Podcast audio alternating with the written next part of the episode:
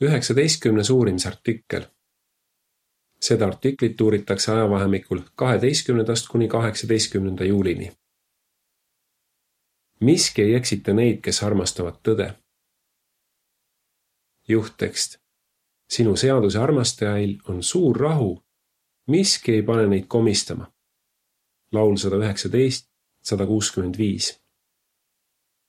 alguslaul number sada kakskümmend kaks olge kindlad, vankumatud. ülevaade. eelmises artiklis arutasime nelja põhjust, miks inimesed Jeesuse ära põlgasid ja miks tänapäeval Jeesuse järelkäijaid põletakse. selles artiklis vaatleme veel nelja põhjust. samuti näeme, miks siirad inimesed, kes armastavad Jehovat, ei lase end millelgi eksitada. lõigud üks ja kaks, küsimus mida kirjutas üks sotsioloog ja mida me selles artiklis arutame? tänapäeval väidavad miljonid inimesed, et nad usuvad Jeesusesse, kuid nad ei ela tema õpetuste järgi.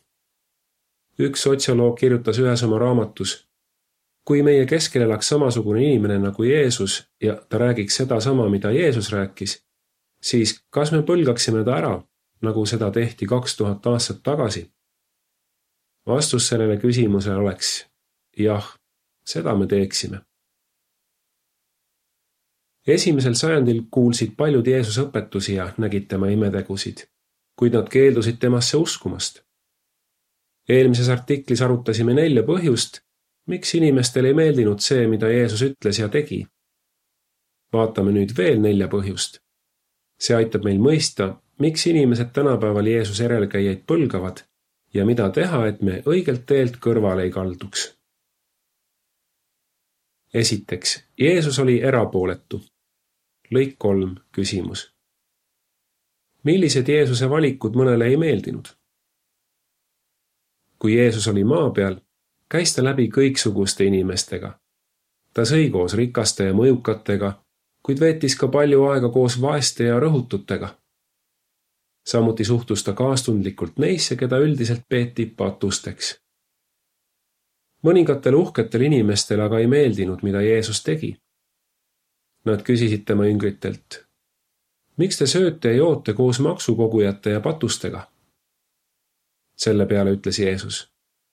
arsti ei vaja mitte terved, vaid haiged. ma pole tulnud kutsuma kahetsusele õigeid, vaid patuseid. Luuka viis kakskümmend üheksa kuni kolmkümmend kaks.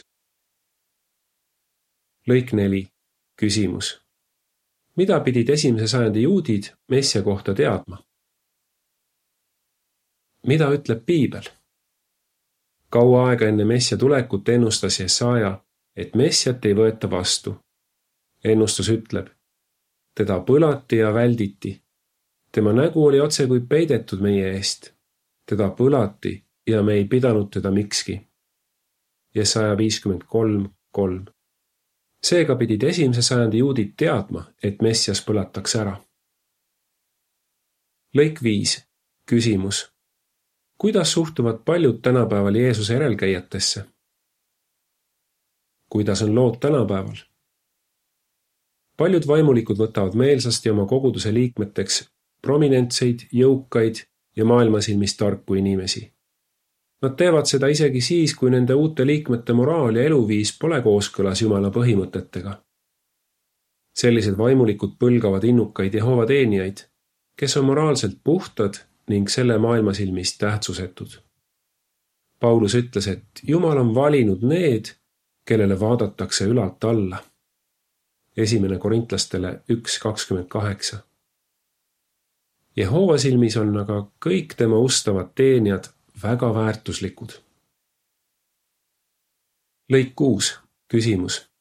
kuidas me saame Jeesusest eeskuju võtta? kuidas oma usku hoida ja tugevdada? kirjakohas Mattiuse üksteist kakskümmend viis, kakskümmend kuus on Jeesuse sõnad. ma ülistan sind avalikult, isa, taeva ja maa isand, sest sa oled peitnud kõik selle tarkade ja arukate eest ning avaldanud selle lastele. jah, isa, sa oled arvanud heaks nii teha. ära lase end mõjutada selle maailma suhtumisel Jumala rahvasse. pea meeles, et Jehova kasutab oma tahte täitmiseks vaid neid, kes on alandlikud. ja mõtle, kui palju on ta korda saatnud nende kaudu, kes pole maailma silmis targad ja arukad. teiseks, Jeesus paljastas valeõpetusi. Lõik seitse, küsimus. miks nimetas Jeesus varisere silmakirjatsejateks ja kuidas nad reageerisid? Jeesus tõi julgelt esile usujuhtide silmakirjalikkuse. näiteks hurjutas ta varisere, kes olid rohkem mures rituaalse kätepesemise kui oma vanemate eest hoolitsemise pärast. Jeesuse sõnad võisid tema jüngreid üllatada. Nad küsisid temalt, kas sa tead, et variserid said sinu sõnade peale pahaseks? Jeesus vastas. iga taim, mida pole istutanud mu taevane isa, juuritakse välja. jätke nad Nad on pimedad teejuhid. kui pime juhib pimedat, kukuvad mõlemad auku. Matteuse viisteist, kaksteist kuni neliteist. Jeesus ei lasknud usujuhtidel end häirida ega lõpetanud tõe rääkimist. Lõik kaheksa, küsimus. kuidas näitas Jeesus, et kõik uskumused pole Jumalale meelepärased? Jeesus paljastas ka valeõpetusi ta ei öelnud, et kõik teed viivad Jumala juurde. ta ütles hoopis, et paljud käivad laial teel, mis viib hävingusse ja et vaid vähesed käivad kitsal teel, mis viib ellu. Jeesus tõi selgelt välja, et mõned väidavad end Jumalat teenivat, kuid tegelikult ei tee seda. ta hoiatas. olge valvsad valeprohvetite suhtes, kes tulevad teie juurde lambanahas, kuid on tegelikult haplad hundid Nende vilja järgi te tunnete nad ära. Mattiuse seitse viisteist kuni kakskümmend. lõik üheksa. küsimus. milliseid valeõpetusi Jeesus paljastas? mida ütleb piibel? Piibel ennustas, et Messias seisab innukalt selle eest, et Jehova koda ei rüvetataks. see innukus ajendas Jeesust paljastama valeõpetusi ja vääraid tegusid näiteks variserid uskusid, et hing on surematu. Jeesus aga ütles, et surnud magavad. saduserid eitasid ülesäratamist. Jeesus aga äratas surmast üles oma sõbra Laatsaruse. variserid väitsid, et kõik on saatuse ja Jumala poolt ette määratud. Jeesus aga õpetas, et inimesed saavad ise valida, kas nad teenivad Jumalat või mitte.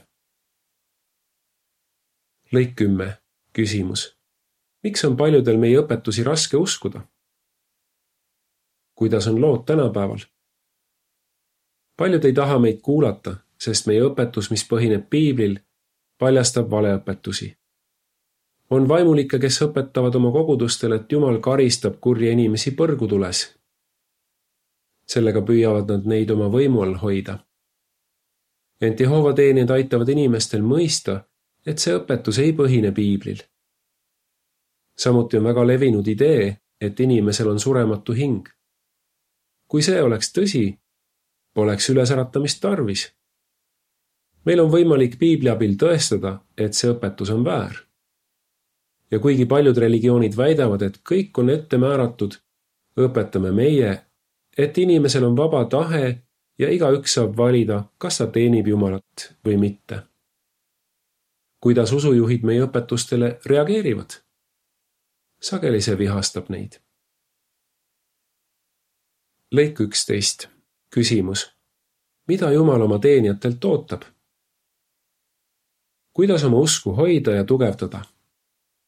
tekstis Johannese kaheksa nelikümmend viis kuni nelikümmend seitse ütleb Jeesus. Kuna aga mina räägin tõtt, siis te ei usu mind. kes teist saab mind patus süüdistada? kui ma aga tõtt räägin, miks te siis mind ei usu? kes on Jumala oma, võtab Jumala sõnu kuulda. Teie aga ei kuuletu, sellepärast et te pole Jumala omad. kui me armastame tõde, tuleb meil Jumala sõnu kuulda võtta. erinevalt saatanast püsime meie kindlalt tões. Me ei tagane kunagi oma veendumustest. Jumal ootab oma teenijatelt, et nad jälestaksid halba ja hoiaksid kõvasti kinni heast, nagu seda tegi Jeesus kolmandaks, Jeesust kiusati taga. lõik kaksteist.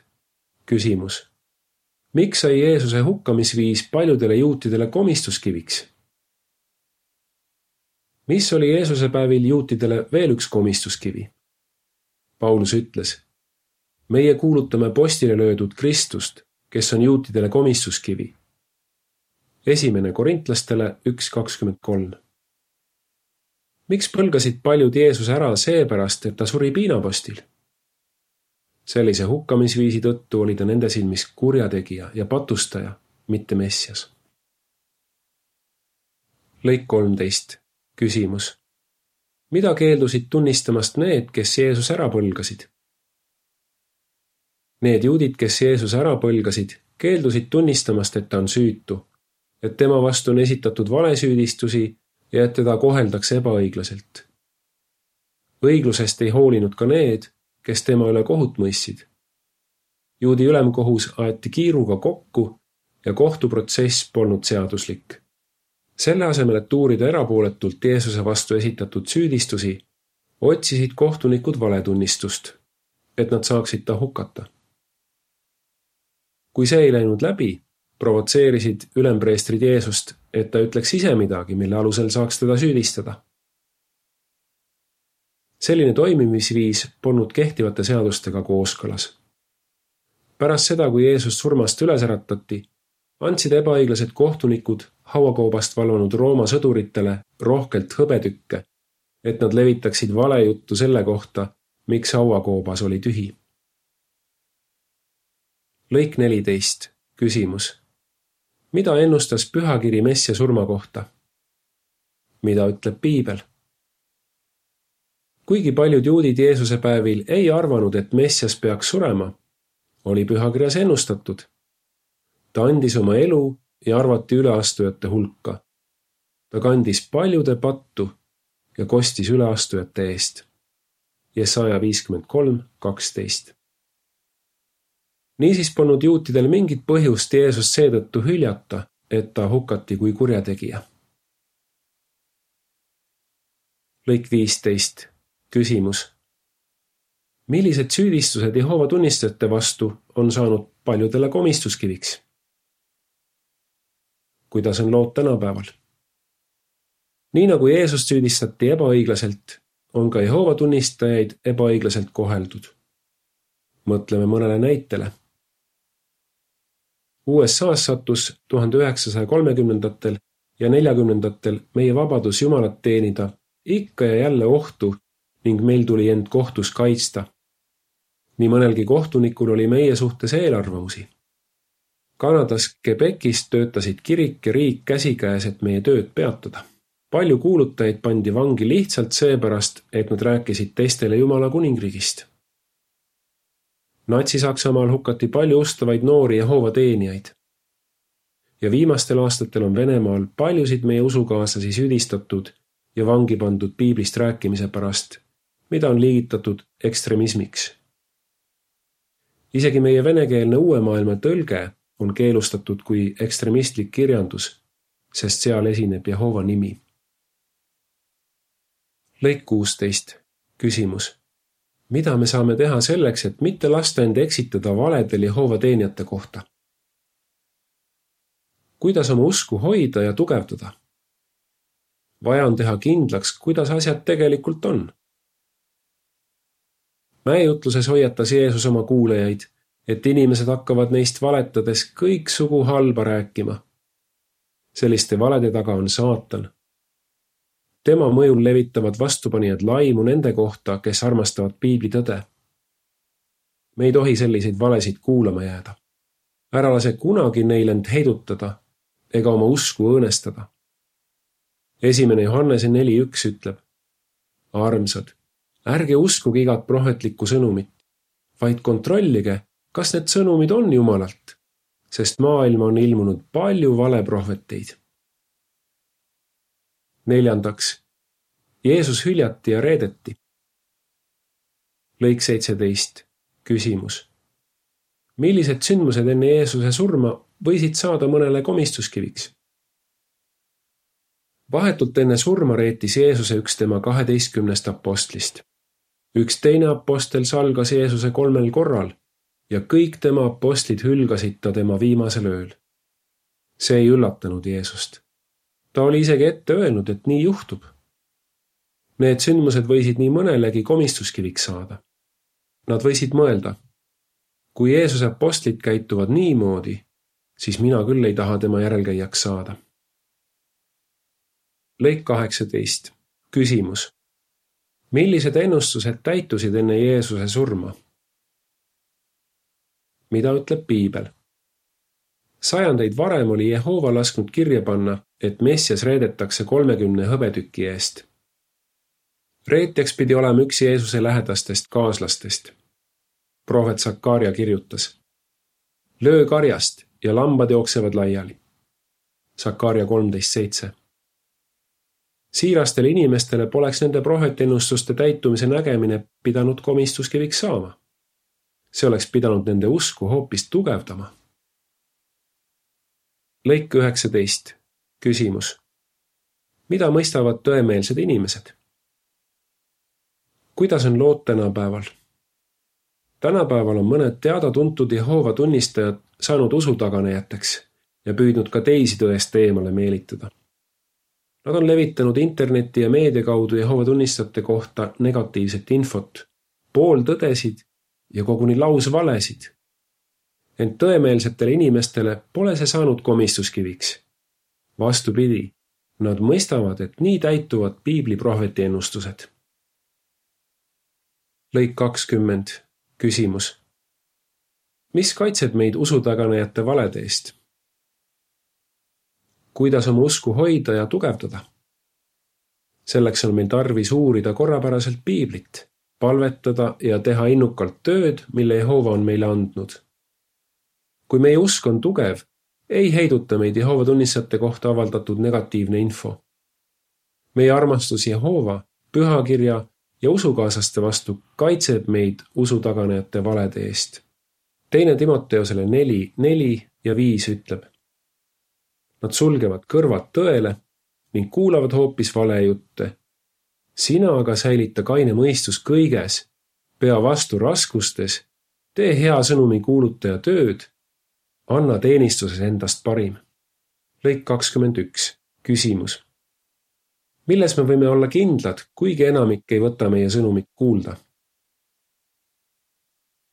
esimesel sajandil põlgasid paljud Jeesuse ära, ent paljud said tema järelkäijaks. Nende hulgas oli vähemalt üks juudi Sanhedrini liige ja isegi suur hulk preestreid. tänapäeval on miljoneid inimesi, kes pole lasknud end eksitada, sest nad teavad ja armastavad piibli tõdesid. jumala sõnas öeldakse sinu seaduse armastajail on suur rahu, miski ei pane neid komistama. laul sada üheksateist, sada kuuskümmend viis. järgneb selle artikli piltide selgitus. esimene pilt. Jeesus heinestab koos Matteuse ja teiste maksukogujatega. teine pilt. Jeesus ajab templist kaubitsejaid välja. kolmas pilt. Jeesus kannab piinaposti neljas pilt. Juudas reedab Jeesuse suudlusega. pildi allkirjas öeldakse. paljud põlgasid Jeesuse ära. esiteks, tema seltskonna valiku tõttu. teiseks, kuna ta paljastas valeõpetusi ja vääraid tegusid. kolmandaks, tema hukkamisviisi tõttu. ja neljandaks, selle tõttu, et Juudas ta reetis. kuidas võivad samasugused asjad tänapäeval kedagi eksitada? kuidas sa vastaksid? miks olid Jeesuse sõnad ja teod esimesel sajandil mõningatele komistuskiviks? mis on tänapäeval paljudele komistuskiviks? Mis aitab meil oma usku hoida ja tugevdada? lõpulaul number sada kakskümmend neli. ustab rahvas. artikli lõpp